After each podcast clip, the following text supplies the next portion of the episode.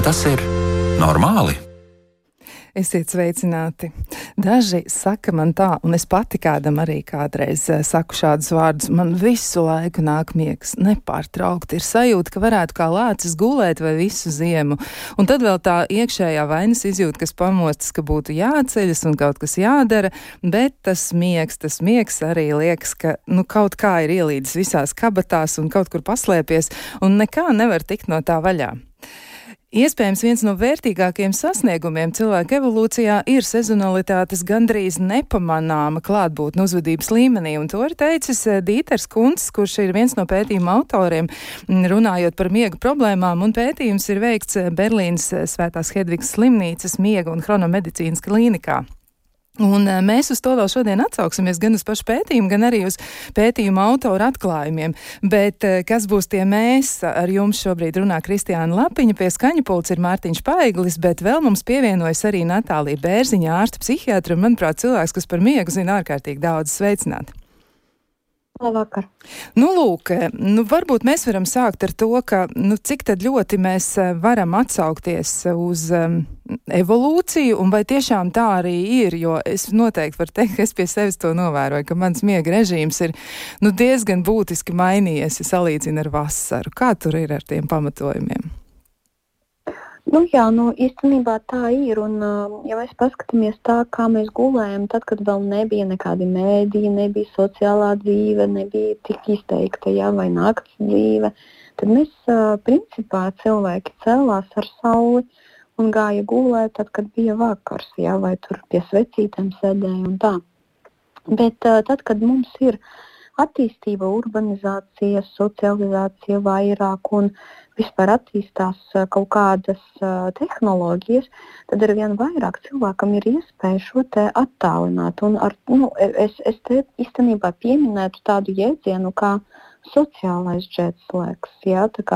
Tas ir stāvoklis, tas ir paradums arī, kad mēs attālinam savu miegu, lai iet iekļautos kaut kādās sociālās aktivitātes, kuras nu, tā vispārēji ir paredzētas. Un tāpēc, nu, cik par to evolūciju var tur runāt, bet, bet vairāk arī var runāt par tīri attīstību, es domāju, vairāk tehnoloģisko, kas ļoti ietekmē īstenībā to, kā mēs guļam tagad vai neguļam. Jā, nu, ir tā arī, ka nu, pētnieki arī atsaucas uz to, arī, ko jūs teicāt, ja par to vilkšanu garumā, ka reizēm cilvēkiem ir ļoti grūti aiziet gulēt, un viņiem liekas arī, ka viņi var mm, mainīt savus paradumus. Un vēl viena pētījuma, ko es atradu, arī tur ir minēti tādi mīti par miega ilgumu.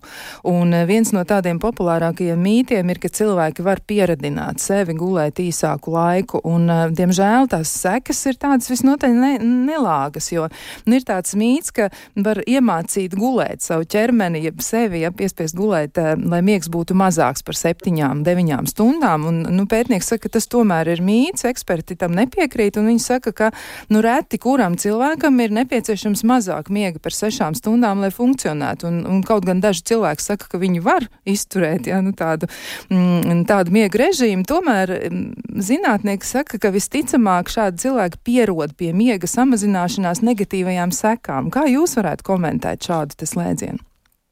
Jā, es pilnīgi piekrītu, absolūti.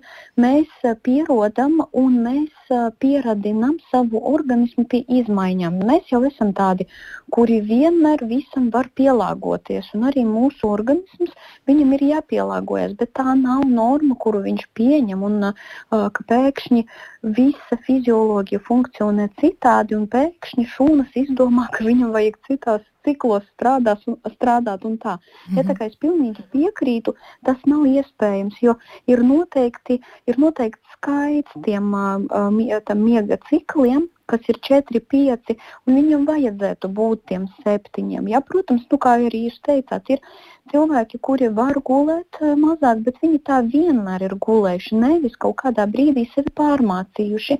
Un sanāk, ka pēc būtības, ja cilvēks izdomā, ka viņš grib būt super efektīvs un grib sevi pārmācīt, gulēt ilgāk, tā kā nu, uh, saīsināt miegu piemēram uz piecām vai sešām stundām, tad pēc būtības viņš izdara to, ka viņš spiež savu organismu turpmāk dzīvē funkcionēt miega badā, kam organisms pielāgosies Protams, ilgtermiņā tam ir negatīvas sekas uz veselību. Ja?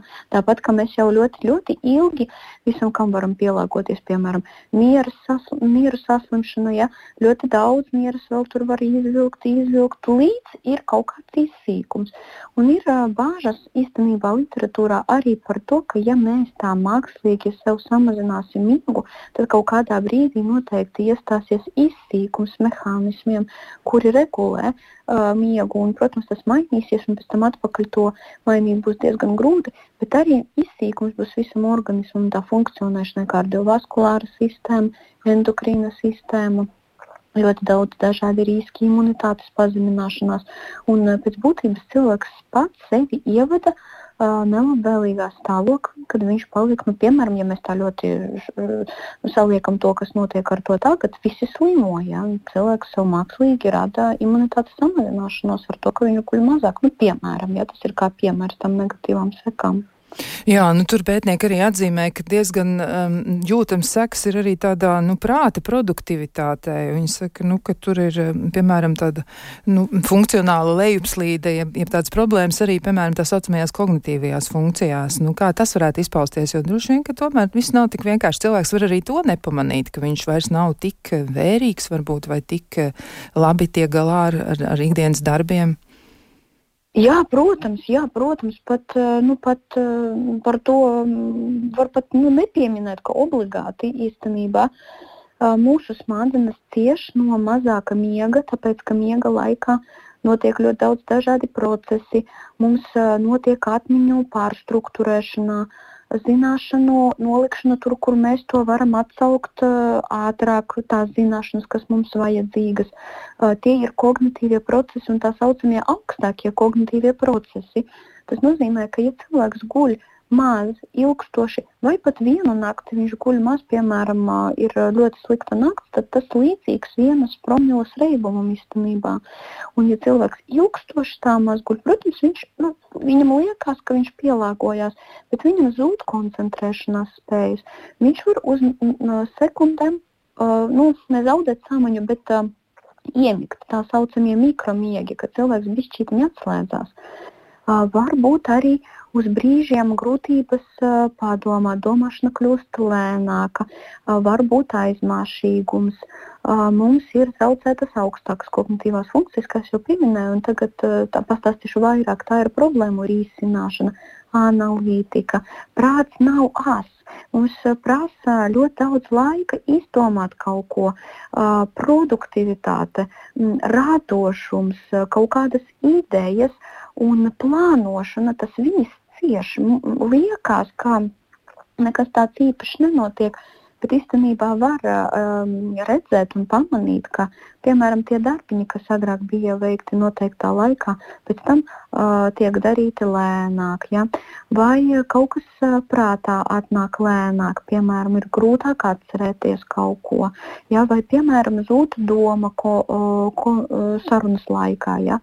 ar citiem cilvēkiem. Tā kā To var pamanīt, un tas bez šaubām notiek. Mūsu prāts ļoti cieši no miega bāda, ja to darīt mākslīgi un ļoti ilgstoši, protams. Jā, nu te arī jautājums no klausītājiem, ja ko tad nozīmē cilvēks ir miega badā, vai tas nozīmē, ka ir veselības problēmas un jādodas pie ārsta. Nu, tas miega bats eh, varētu jau būt arī citu iemeslu dēļ. Var, var gadīties arī tā, ka cilvēkam neizdodas īsti labi izgulēties. Un kā viņš tad varētu nonākt pie miega bada, jo mēs nu, šodien vairāk mēģinām fokusēties uz to, ka cilvēkiem gribas gulēt, nu, jo īpaši ziemā. Jā, un pētījumi arī saka to, ka nu, vidēji mēs guļam, nu, ja varētu, ja mums ļautu brīvi izvēlēties, tad eh, pētījumi pētnieks saka, ka stundu ilgāk, tiešām stundu ilgāk kā vasarā, viņi ir pētījuši diezgan daudz dažādas uh, reģionus un cilvēkus. Nu, ne visu pasauli, protams, ja, varbūt kaut kur ir arī citi dati, bet nu, tādi arī ir pieejami ja, par šo stundu. Bet, um, kā mēs varam nonākt līdz miega badam, ja nu, varbūt pat formāli liekas cilvēkam, ka viņš tā kā guļ, bet, bet tomēr nu, tas rezultāts ir tāds, ka nu, īsti nevar koncentrēties, nevar, nevar darīt lietas, kā gribētos, un izskatās, ka tas miega bats tomēr ir noķēris to cilvēku. Uh, nu, jā, miega bats tas ir tāds, uh, diezgan plaši lietots uh, termins. Nu, idejiski tas ir miega trūkums. Un miega trūkums var būt ļoti daudz dažādos veidos um, iegūts. Piemēram, kad cilvēks fiziski guļ mazāk, tāpēc, ka viņam vajag vai nu strādāt, vai pabeigt kaut kādas atskaites, vai uzrakstīt um, kaut kādu ziņojumu naktī, ja, un tad viņš mākslīgi sev rada miega trūkumu, jeb miega badu, um, tātad viņš guļ mazāk. Ja mēs runājam par veselības problēmām, tad, protams, ir saslimšanas, kas ir asociētas ar uh, miega bādu vai tad, tad nepietiekamu miegu. Tas ir saslimšanas, kuras traucē nakts miegu. Tātad miegs kļūst vai nu īsāks, vai cilvēks pamostās un kopumā nesanāk tās nu, vismaz aptuveni 7 stundas, kuram vajadzētu būt. Un, uh, varbūt arī tā, ka cilvēks emocionālu um, apsvērumu dēļ, vai emocionālu grūtību dēļ, vai kaut kādu emocionālu uh, pārdzīvojumu dēļ guļ mazāk. Tātad viņam arī ir traucēta šī aizmigšana, vai nevar, vai pamostās. Ja, tā kā nu, pēc būtības miega bācis, jeb miega trūkums, tas ir uh, jēdziens, kas nosaka to, ka mēs neguļam tās septiņas stundas vai guļam tās nekvalitatīvi. Un tātad tie iemesli var būt ļoti dažādi. Un, ja mēs uh, mēģinām mēģinām salikt to arī ar šodienas tēmu, kā jūs pieminējāt, ka ļoti liela miegainība ir cilvēkiem un liekas, ka šīs miegs nav. No te ir tiešām diezgan ārķīgi kādreiz, jo uh, varbūt tā, ka tiešām šis miegs naktī ir uh, nesaturīgs vai teiksim, tā, uh, traucēts. Piemēram, ja cilvēks dzīvo viens, viņam nav partneris. Uh, Un viņš naktī krāts, un viņam apstājās elpošana kaut kādos brīžos naktī. Ja? Tātad viņš to nezinās. Viņš nevarēs pateikt, ka viņš krāts, ja viņam nav kāds līdz cilvēks blakus, kas to dzird. Bet nākamajā dienā šis cilvēks jūtīs nogurumu, miegainību, spēku trūkumu, enerģiju trūkumu, grūtības koncentrēties. Un tas ir tas brīdis, piemēram, ja, nu, kad mēs varam runāt, ka viņam ir nepietiekošs miegs. Un tāpēc var būt tā miegainība dienas laikā.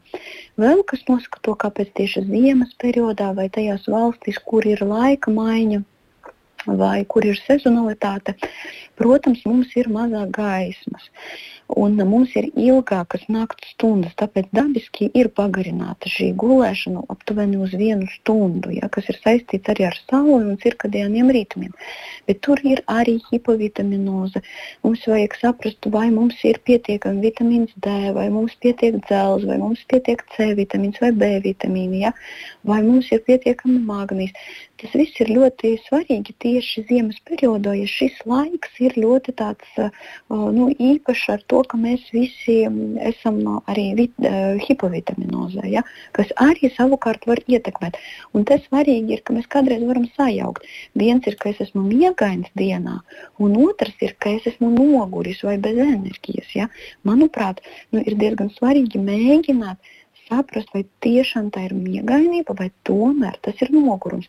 Jo tas var būt ļoti dažādi. Jā? Tas nevienmēr ir saistīts tikai ar miega trūkumu naktī. Starp citu, uzreiz gribas pajautāt, ko darīt ar krāpšanu. Jo nu, ir tā, ka es atceros, bija tāds ļoti amizants padoms no vienas puses, jau no otras puses tā diezgan ciniski izklausījās. Un, nu, es viens video bija, kur tieši bija tāda, nu, neteikšu, ka tas bija tāds ļoti profesionāls cilvēks, kas deva šos padomus, bet, man liekas, tas bija tā diezgan um, no vienas puses uzjautrinoši, no, pus, no otras puses arī tā lika ļoti, ļoti aizdomāties, jo krāpšana tā ir tāda problēma, kas, nu, patiešām ir nopietna problēma gan tam pašam cilvēkam, kuram, nu, kurš krāts, ja, gan arī tam cilvēkam, kurš viņam ir līdzās. Un, uh, nu, tur tas ieteikums bija uz sievietes jautājumu, ko darīt tad, ja ir tā, ka vīrs krāts. Nu, tad bija tāds ļoti, ļoti skarbs uh, teikums, nu tad viss, ka tad, tad, tad laulībai jābeidzās. Ja? Nu, man liekas, ka tā noteikti nebūs um, labākā taktika risināt. Ko darīt tādā gadījumā, ja tiešām cilvēks krāts? Kā tad ar to tik galā, jo tas varētu būt sarežģīti? Jā, obligāti krāpšana ir ļoti nopietna. Tas nav tikai kaut kāds tāds jautrs moments dzīvē, vai tur kāds uzskata, ka tas ir mīļi. Tā tas nav, jo tas nozīmē, ka ir traucēta uh, gaisa um, plūšana uz uh, elpvadiem un tātad sekojoši uz galvas smadzenēm. Ja ir krāpšana un pie tam, ja gultas partneris novēroja arī to, ka tur uz kādām sekundēm varbūt pazūd elpa, ja, un liekas, ka cilvēks tā kā tver to gaismu vairāk pēc tam, tad tas vispār ir obligāti uh, gadījums, kad vajag griezties uh, pie miega apnojas speciālista. vai pulmonologa, kuri izvērtēs, vai tur nav miega apnoja. Miega slimību centrā var veikt izmeklējumu, kas ir skrīnings, uh, stop bank, tas saucās, ja tur ir skrīnings uz uh, miega apnoju. Un savācot noteiktu punktu, uh, noteiktus punktus um, riska faktoriem, mums ir pamats uh, sūtīt cilvēku uz jau tādu saturīgāku izmeklējumu, kas ir polisomnogrāfija, kad novērtē skābekļa koncentrāciju, kad novērtē dažādus elpas apstāšanās indeksus un tālāk jau sniedz palīdzību, ja miega apnoja ir konstatēta, un pie tam konstatē, protams, arī noteiktas stadijas. Ja tā ir viegla, tad vēl var iztikt ar dzīvesveida modifikāciju, bet ja tā ir vidēji smaga vai smaga, tur nav, nevar iz, uh, iztikt absolūti bez uh, noteiktiem aparātiem, ar kuriem cilvēks pēc tam guļ.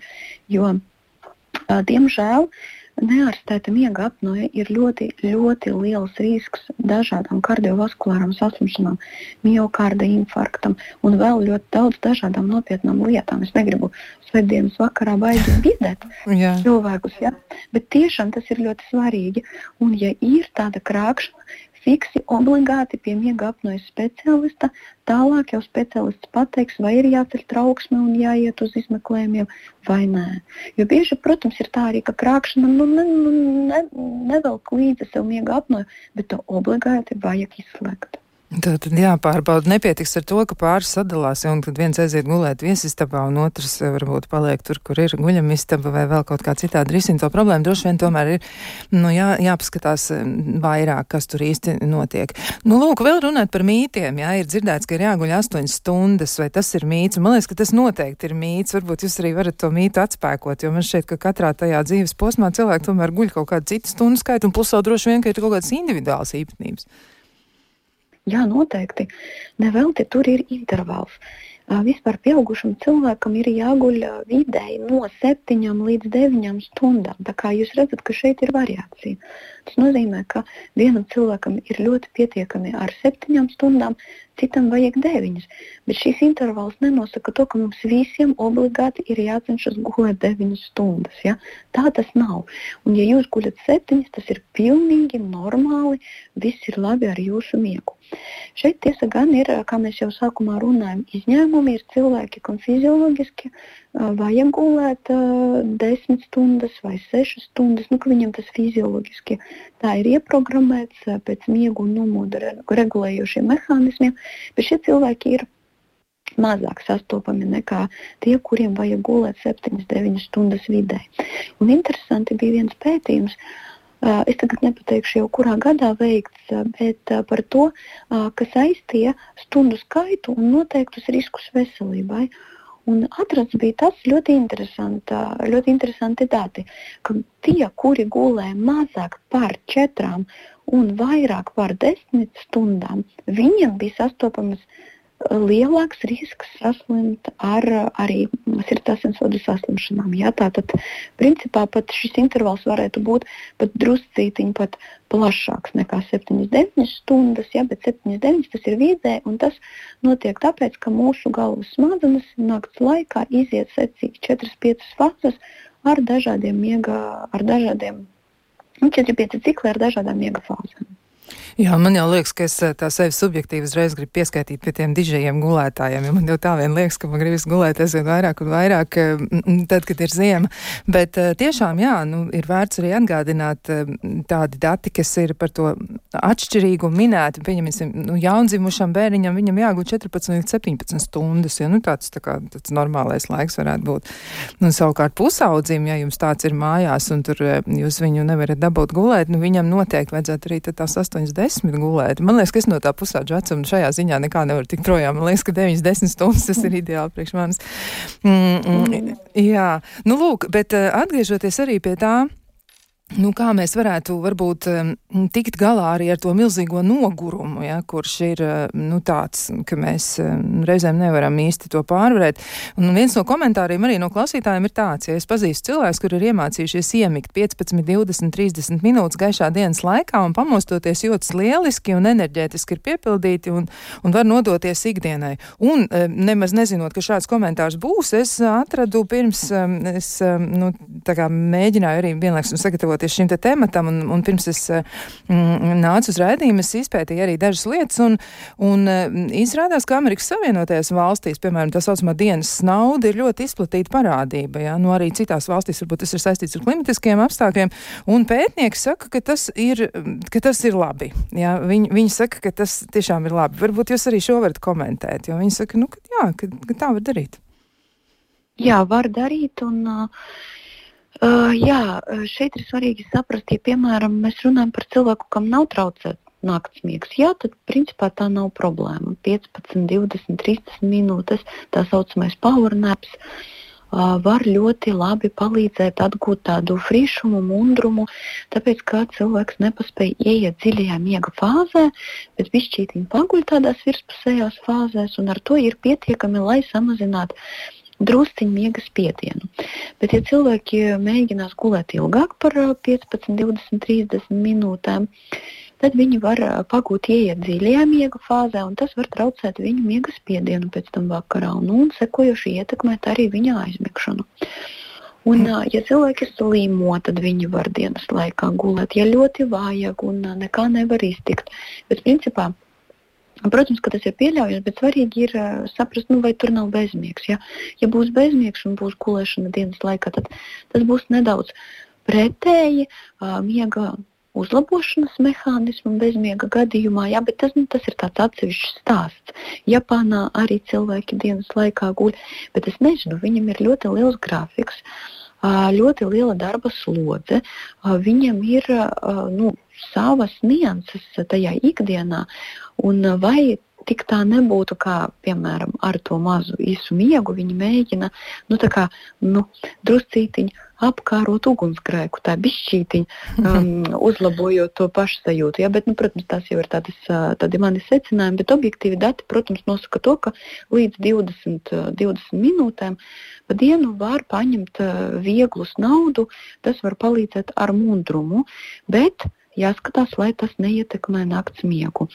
Un ar nogurumu, ja mēs runājam ja, par nogurumu, tad ļoti svarīgi ziemas laikā, īpaši mūsu tumšajā periodā, ļoti uh, secīgi un svarīgi ir dabūt uh, dienas gaismu. Vai tā varētu būt, piemēram, uh, gaismas terapijas lampa no rīta, kas ir jāieslēdz, piemēram, pamostoties. Ja? Tas dod signālu cirkadieniem ritmiem, nomāc melatonīnu, un mēs pamostamies. Mums ir vairāk enerģija. Vai arī pat dienu pastaigas, esamības vajagā gaisā. Tas ir ļoti svarīgi, lai tā enerģija būtu. Jo, nu, kā parāda arī tas praksē, ja jo vairāk jūs pa dienu guļat, jo vairāk jūs būsiet nu, tādā nu, nomāktībā, bet mazā enerģijā. Ja, jo tas nepalīdz. Palīdz aktivitāte, palīdz restartēt cirkadienos ritmus, palīdz gaisma, palīdz um, nu, kaut kāda nodarbe. Ja. Tas varētu palīdzēt vēl tai, tam nogurumam. Es jau tā vienkārši papildus saku lietiņas. Jā, nu, tas tiešām noteikti arī kādam varētu palīdzēt. Un uh, jāņem arī tas ir vērā un kaut kā jāmēģina sevi izķeksēt ārā no mājas, kaut arī nemaz tik ļoti negribas. Nu, ja mēs paskatāmies ārā pa logu, kā piemēram šodien lietas līst plīšķādam ziemas vidū, ja, nu, nemaz tik ļoti negribas kaut kur doties bet tomēr, nu, tomēr vajag. Mm, bet vispār kā ir ar pētījumiem? Vai ir tādi pētījumi, kas eh, nu, kaut kā ilustrē to, kādas ir atšķirības, piemēram, tiem iedzīvotājiem, kas dzīvo varbūt tur, kur ir siltāks, kaut arī tur ir tumšs, un tur, kur ir augsts, un tur, kur ir tumšs, nu, kur tiešām nu, mīnus 20, nu, nav tāds liels vilinājums kaut kur doties. Vai ir tādi dati par to, ka ir tāds, varbūt ir tādas atšķirības, un arī par miega kvalitāti runājot? Nu, man ir grūti pateikt, es īstenībā nebiju redzējusi tādus, tādus pētījumus. Tā man diezgan grūti atbildēt uz šo jautājumu. Nu, ja mēs paskatāmies tīri fizioloģiski, tad principā tā var būt. Jo tad, kad ir augstāk, mums gribas vairāk gulēt. Tas ir saistīts ar enerģijas apmaiņu šūnās. Un nevelti ir tā, ka, piemēram, nu, tāds, tāds neforšs, protams, piemērs, ja, bet cilvēki, kuri uh, nu, teiksim tā, nosalst vai, vai kuriem ļoti salst uh, uz ielas, ņemot vērā to enerģijas apmaiņu, viņi iemiek. Ja, un, un, nu, piemēram, tā, tā pati meitene ar serkociņiem, ja, ja mēs atceramies tādu uh, stāstu, tad, uh, ja ir zema temperatūra, mums varētu būt uh, vairāk miegainība. Ja? Un tas arī ir saistīts ar to, ka, piemēram, no, viena no rekomendācijām, lai mēs labi gulētu, ir vēdināt telpu, un tie ir aptuveni 15, 18 grādi. Un tāpēc es pieļauju, ka um, varētu būt atšķirības, ja ir tumšs un silts, un ja ir tumšs un augsts. Ja? Un, kad ir augstāk, tad mums arī varētu būt, ka gribās gulēt ilgāk vai vairāk, vai ir grūtāk pamosties. Ja? Tā kā es to saistītu fizioloģiski ar enerģijas apmaiņu šūnās. Jā, nu tā tad tomēr mūs ietekmē tie laika apstākļi un nebūs viss tik vienkārši tā jau tikai šķiet, ja mēs aizbraucam kaut kur citur. Un, nu, varbūt, ka tur mēs varam uz to balīti vakarā saņemties aiziet arī ziemā tā iemesla dēļ, ka vienkārši ir siltāks un neliekas, ka nāk miegs un, un mēs to tā neizjūtam. Un, savukārt citā vietā varētu tā būt, jā, ka ir, ir tāds atšķirības. Nu, ko mums te jautājumu vēl ir vesels lērums? Mēs mēģināsim arī uz tiem visiem atbildēt, bet to mēs darīsim pēc ļoti īsa brīža.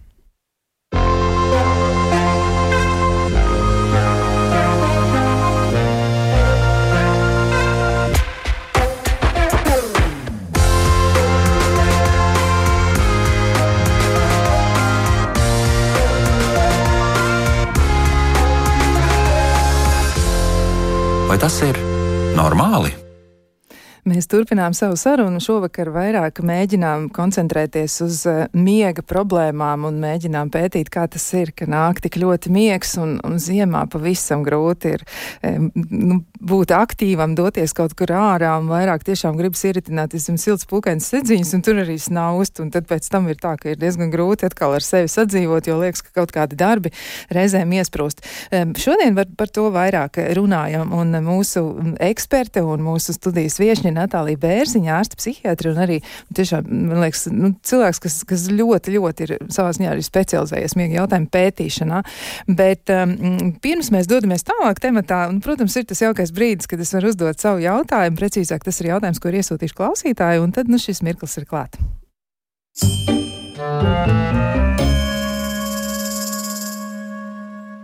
Nu, ko, doktor Bērziņ, jums jāizvēlās viens, divi vai trīs? Um, lai ir uh, divi. Lai ir divi. Nu, divi ir uh, jautājums ir šāds. Uh, viena no klausītājām, um, tā ir relatīvi jauna sieviete, nu, nepilni 40 gadi. Viņa saka tā, ka viņai nu, ir tādas īpašas attiecības ar dažādām lietiņām. Viņai visu gribas savākt, paturēt, un ļoti žēl ir no kaut kā šķirties. Un viņa raksta, ka nu, vispār tas no vienas puses jau ir grūti, jo ģimene aizrāda, ka ir ļoti daudz dažādas kastītes pilnas ar visādām piemiņas lietiņām, bet viņa saka, nu, ka viņai ir ļoti grūti no tā šķirties. Visa. Nu, vai tas ir normāli vākt tādas piemiņas lietas, kuras ir varbūt kāds dāvinājis, vai tā ir apsveikuma kartiņa, varbūt kaut kas cits? Jā, tas ir uh, labs jautājums, jo um, tas, vai tas ir uh, normāli, to nosaka, protams, uh, apmērs, intensitāte un, un veids. Ja cilvēks sakrāja kaut kādas lietas, kas viņam ir svarīgas, un viņš var to salikt un uh, nekrāj pēc tam vēl papildus un papildus un papildus, kur tas svarīgums jau ir mazāks. Tad, ja viņš tā nedara, tad mēs varam runāt par to, ka nu, tas ir nu, emocionāli saistītas lietas un tas ir pieļaujami.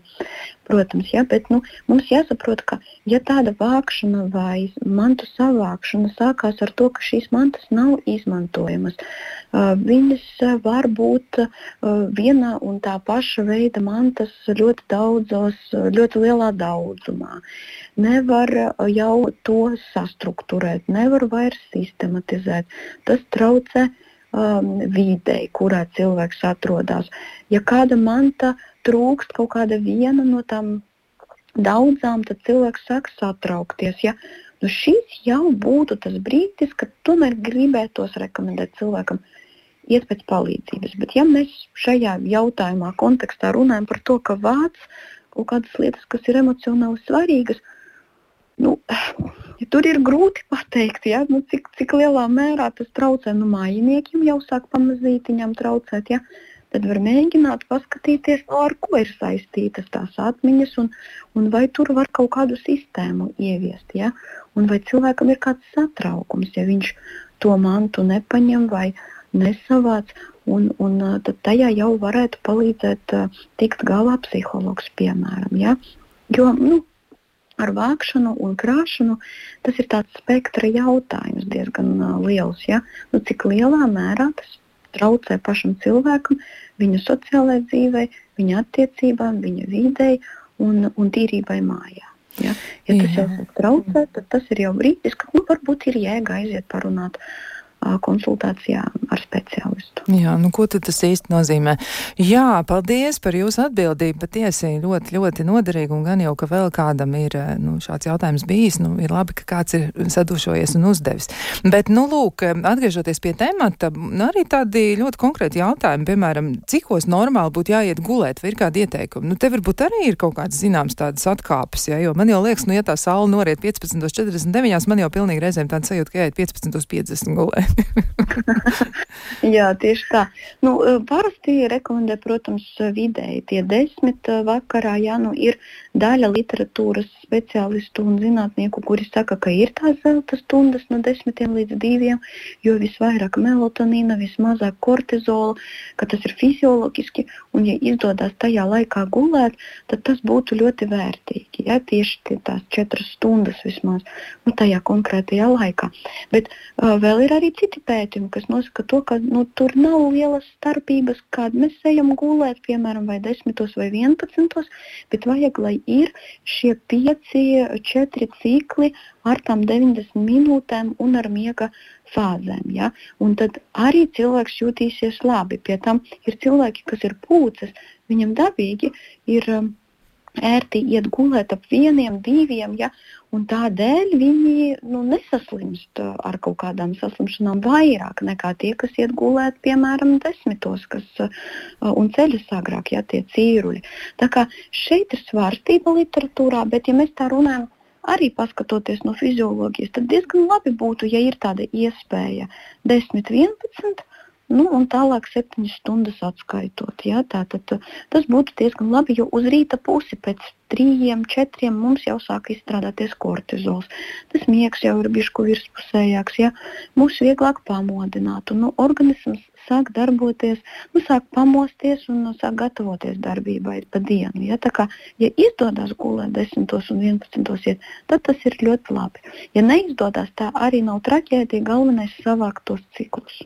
Jā, nu labi, to var mēģināt visu darīt, bet vēl tāds jautājums arī par to, ja ģimenē tas sastāvs ir tāds raips, jā, nu pieņemsim par pusauģiem runājot, viņiem gribas tiešām no sirds gulēt, un, un eh, par pusauģiem runājot, nu dažreiz ir tā viņiem, jo īpaši, manuprāt, ir grūti um, aiziet gulēt laicīgi, un šķiet, ka tur arī daži, daži pētījumi, daži arī miegu speciālistu tādi komentāri par to ir, ka pusauģi ir īpaša kategorija, viņi tiešām, nu nav viņiem tik viegli arī aiziet gulēt. Varbūt jūs varat arī to mazliet vairāk komentēt, kā tas ir.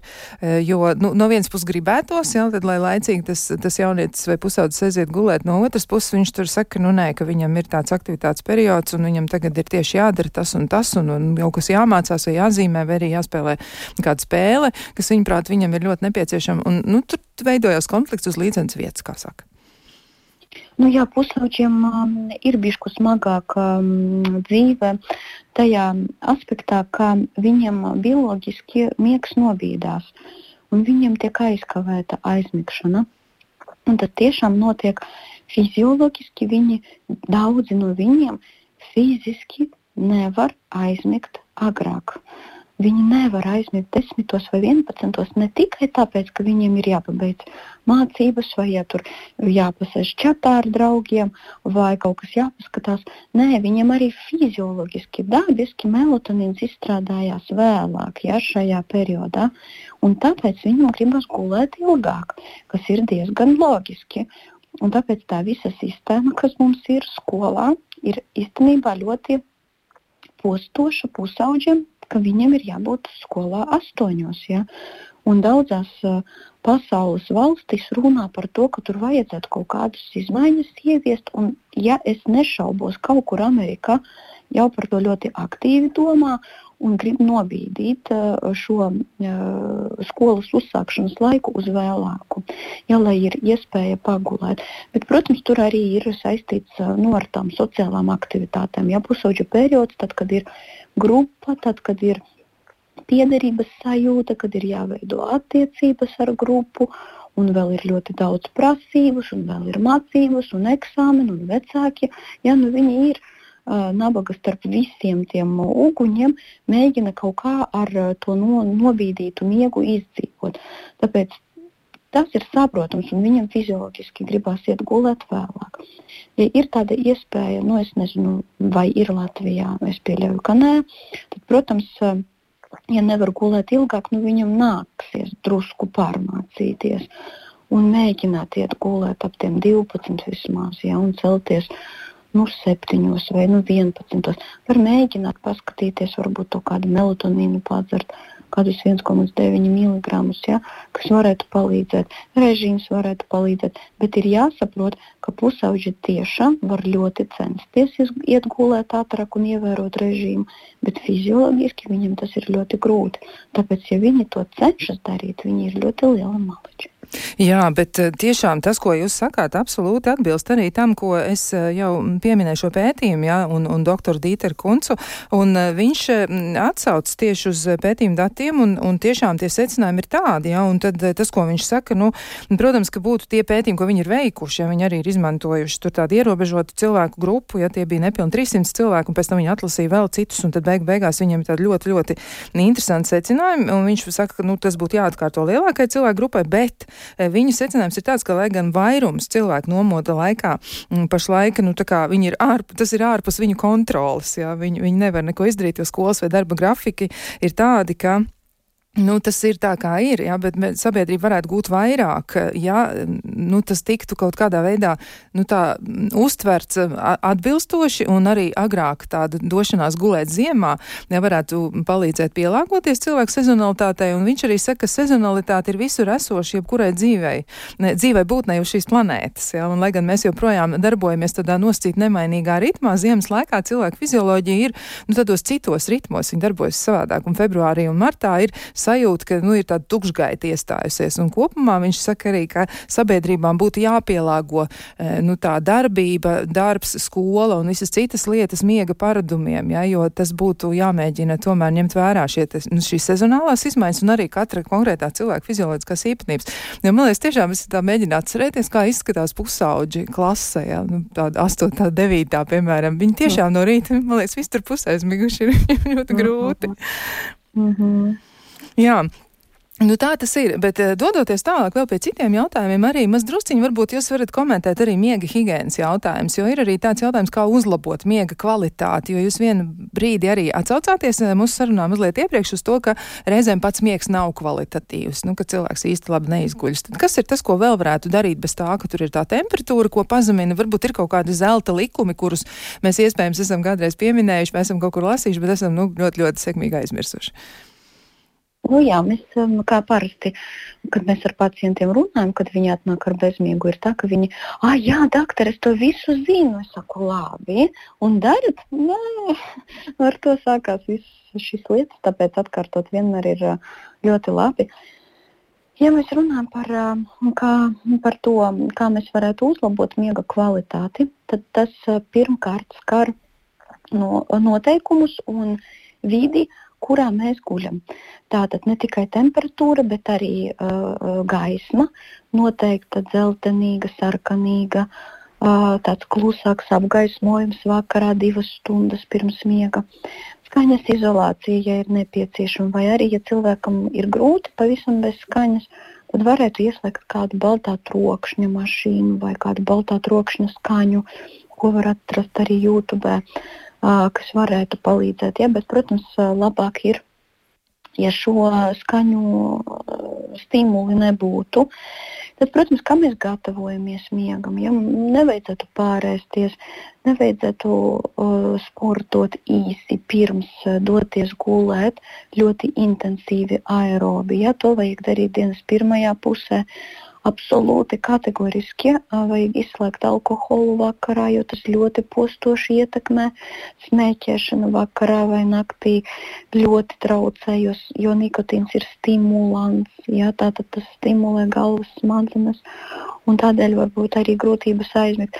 Tas viss skar miega higiēnu, un diezgan mm, daudz cilvēku to zina mēģina ievērot, bet nevienmēr tas darbojas. Un tas ir tāpēc, ka ir mehānismi, kuri ir stiprāki par miega higiēnu, absolūti noteikti. Tātad zelta likumi, kurus jūs prasījāt tie ir iet gulēt vienā laikā un celties vienā laikā. Arī brīvdienā.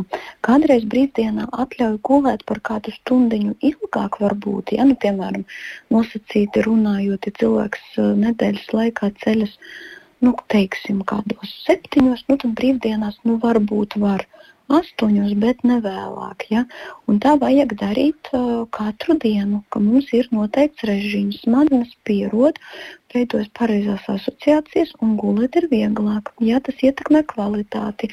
Jo tad, ja mēs vienu naktī ejam gulēt desmitos, citā vienos, tad vēl 12 un ceļamies ar tāpat haotiski, tad mūsu smadzenēm ir grūti izdomāt, nu, kura galu galā periodā mēs guļam ja, un veidot pareizās asociācijas. Un vēl divas tādas lietas ļoti svarīgas, ļoti, ļoti, ļoti gribu to pasvītrot.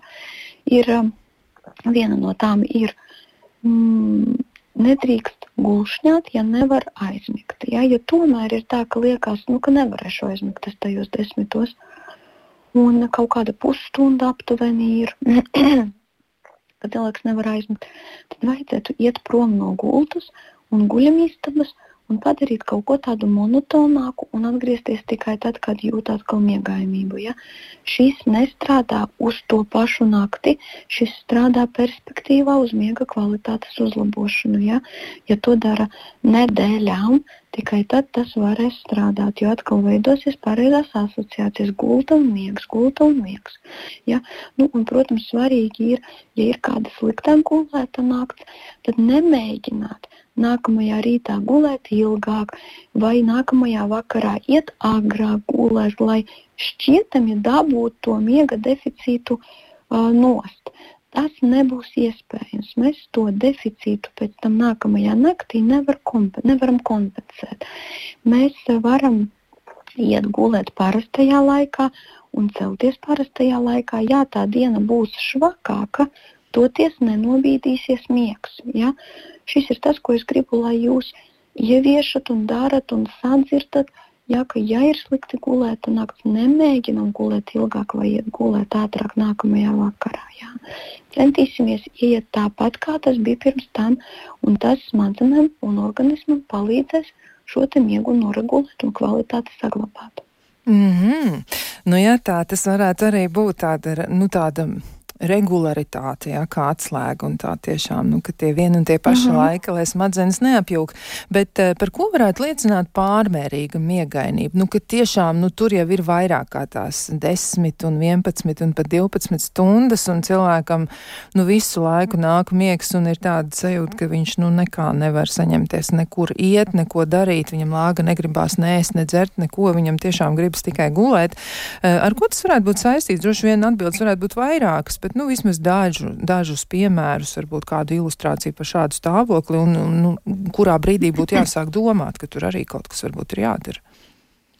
Jā, obligāti mm, vajag um, paturēt prātā, ka ir tāda saslimšana kā hipersomnija, jeb um, miegainība, pārlieku miegainība.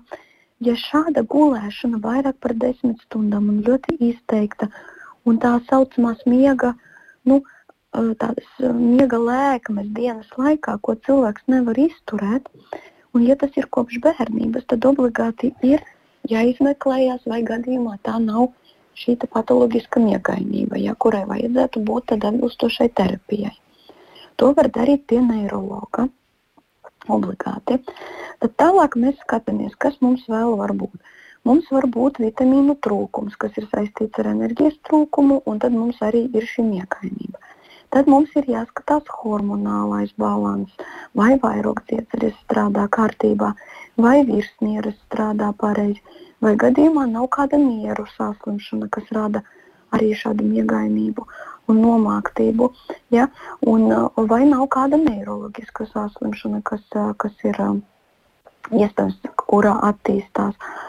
Un tālāk mēs ejam, protams, skatīties, vai gadījumā tur nav kāda psihiatriska saslimšana vai psiholoģiska grūtība. Ja? Obligāti ir, ja negribās ēst, negribās, um, negribās iet nekur, ne ar vienu runāt un tikai gulēt, nu, tā arī ir tāda brīdinājuma pazīme, vai tik nav tur kāda depresija, ja, piemēram, kas var būt klāt. Vai tā ir kaut kāda stresa nosacīta, vai tā attīstās nu, kā teikt, ne no šā, ne no tā. Liekas, ka nekas tāds nav, bet ir šī miegainība un vispār apātija un motivācijas trūkums. Ja? Tad obligāti, protams, ir jāparedz un nu, obligāti ir jāturprātā, ka arī tā var būt. Jo nu, tā gluži nav, uh, ka katrs, nu, ka, kaut kāda daļa no cilvēkiem, kuriem vajag gulēt, nu, piemēram, nu, nu, piemēram, 10 vai 11 stundas, ja, nu, tā gluži nav, ka viņiem būtu arī klāt, ka neko negribās, nekur neiet, nekas uh, smadzenes uh, tur lēnīgi strādā. Ja, tā tam nevajadzētu būt. Līdz ar to tā ir tāda nopietna zīme par to, ka tur varētu būt kāda saslimšana. Un tad atbilstoši mēs varam mēģināt nu, skatīties, pie kāda speciālista mēs iesim. Ja mums liekas, ka tur ir kādas emocionālas grūtības vai kaut kāda krīze, uh, kas ir saistīta ar tādu cilvēku reakciju kā miegainība. Tas arī kādreiz ir kā reakcija uz krīzi. Ne visi mēs esam trauksmaini un skraidam un nevaram atrast sev uh, vietu, ja citi cilvēki ir uh, ieiet tādā miegainībā. Tad ir psihologs. Ja mēs runā, nu, domājam, ka tur varētu būt uh, iespējams depresija, ja, tad psihologs, psihoterapeits un, protams, ārsts psihiatrs. Ja mēs domājam, ka tur varētu būt kāda neiroloģiska saslimšana, kas nāk kopā ar kādām galvas sāpēm vai kaut kādām kustību, kaut kādiem traucējumiem, ja, tad, protams, tas ir neiroloģis. Ja tie ir vitamīni vai kādas endokrinoloģiskās saslimšanas iespējams, ja, tad mēs sākumā ejam pie ģimenes ārsta, tālāk ģimenes ārsts jau nosūta varbūt pie endokrinologa. Ja. Nu, tā gluži nevajadzētu būt, o, ka cilvēks visu dienu guļ. Ja, šis ir tāds šī ir tāda pazīme, ka uh, vajag meklēt iemeslu, kāpēc tas tā notiek. Jā, nu tā tad noteikti tur būtu jāskatās, kas ir kas. E, nu, varbūt ir vēl kādi ieteikumi attiecībā uz uh, miega nu, tādu nu, pieradināšanu, varbūt, kā lai to tā apzīmē. Jo, man liekas, ir vēl daži ļaunie ienaidnieki. Jūs arī pieminējāt nu, to nu, tādu tā kā e, sociālo jetlagu. Ja? Mēs jau otro reizi atsaucamies uz to, un tiešām ir tā, ka cilvēkiem ir ļoti grūti atteikties nu, gan no informācijas patērēšanas, gan arī no tādas e, nu, sociālās dzīves. Un, tad, un arī man liekas, ka tas, ko jūs minējāt, piemēram, par alkohola nelietošanu vakara stundās, ja, nu, tad, kad ir viesības, tad man liekas, ka tas ir jau nu, samērā vēlu bieži vien, ka cilvēki to savu pēdējo vīna glāzi izdzer un tad dodas mājās un ar to miega tur ir kā ir. Varbūt ir vēl kas tāds, kas noteikti, noteikti jāpatur prātā, ko nevajadzētu darīt darīt, lai to miegu nesabojātu un beig beigās sevi neaizvest līdz tam stāvoklim, ka tas miegs nu, tā mācas virsū, ka nekā nevar glābties. Jā, noteikti nekādā gadījumā nevajadzētu darīt gultā neko izņemot miegu vai kādas romantiskas aktivitātes. Tas eh, pirmkārt ir brīdinājums tiem, kas ņem darbu ar sevi kopā gultā, vai mācības, vai tie, kuri lasa gultā, vai tie, kuri skatās, kurš nu, ko ir izlicis kāds draugs, kādu postu Instagram vai Facebookā, ja? vai kas tur ar ziņām notiek. Un šie ir tā saucamie miega laupītāji. Ja? Pirmkārt, tas mūs uzskrūvēja. Es domāju, nu, es, ja mēs eh, runājam par sociālajiem tīkliem vai kaut kādām ziņām. Bet no otras puses, pat ja tā ir grāmata, kura jums patīk, bet jūs to darat gultā, tad darot to pietiekami ilgi, veidojas asociācija un saikne mūsu galvas smadzenēs, ka mēs to gultu reflektori vairs nevaram asociēt ar miegu.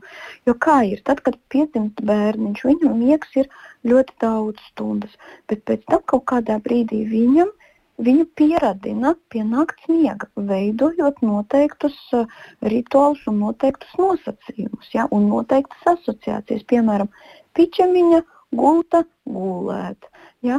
Un šeit ir kaut kas līdzīgs tikai pieaugušo vecumā. Ja mēs gultā mēģinām pabeigt atskaites vai lasīt grāmatu, tad mūsu smadzenes šo vietu vairs ar miegu neasociē. Nu, to ļoti viegli ir iedomāties, nu, piemēram, kā Un tad, kad jūs nu, nezinu, ejat nezinu, garām mīļākai kafejnīcai, un no tās nāk nu, vienkārši, nu, vienkārši maģiska um, krosānu smarža, nu, jūs gribot, negribot, gribēsiet ēst. Vai apēst to, vai jums parādīsies kaut kāda vēlme, vai iekāra, vai bišķītiņa pat tāda izsaukuma sajūta. Nu, šeit ir līdzīgi. Ja mēs tajā gultā guļam, tad mūsu smadzenes, kad mēs to gultu redzam, sāk uzreiz domāt, ah, forši mēs te gulēsim un visi mehānismi vēl stiprāk strādā. Ja miega lokus tā saucamais atvērās efektīvāk, un mēs varam iemigt. Bet, ja mēs tur lasām, tad tā vairs nenotiek. Ja? Un tad šis mehānisms ir traucēts. To es noteikti gribēju pieminēt ja? par lasīšanu, gultā. Ja gribās kaut ko lasīt, protams, to var darīt un vajag, bet tikai kādā citā telpā, kādā divānā, un tad, kad ir miegainība, atgriezties gultā un tur nodarboties ar miegu. Un tur nodarboties ar miegu. Jā, paldies jums par ieteikumiem, paldies arī par komentāriem attiecībā uz eh, dažādiem atklājumiem. Un, eh, nu, tā jau ir. Jā, pasaule droši vien sāks ar laiku respektēt pati sevi, civilizācija, un cilvēki sāks domāt par saviem miega ritmiem ar lielāku cieņu, jo liekas, ka tas varētu būt arī, nu, ja tā vienkārši aizved līdz kaut kādam tādam secinājumam, nu, arī ekonomiski nozīmīgi, ja droši vien tur tie iegumi varētu būt lielāki. Šajā mirklī teikšu paldies Natālijai Bērziņai, ārstei psihiatrei par eh, tiešām tādu ļoti, ļoti vērtīgu mm, klātbūtni, un uh, savukārt klausītājiem mēs varam novēlēt, nu, ja nu sanāk, sanāk laiks un kāds brīdis, nu, atcerieties, ka varat atrast arī mm, arhīvā kādu raidījumu, ja nu gribas noklausīties ko vēl. Un eh, savukārt no mūsu puses mēs novēlam, nu tad, lai jums ir tās miega aktivitātes un tādi romantiski brīži, jā, nu tad varbūt to vēl varētu pieļaut. Mm, turpat, kur arī miegs, turpat arī varētu būt vēl šīs. Lai jums tiešām jauks vakars, liels paldies vēlreiz doktorai Bērziņai, un mēs ar jums visiem arī tiksimies ar klausītājiem. Es domāju, tiksimies atkal kādā citā reizē. Lai jums tiešām salds miegs! Ajax.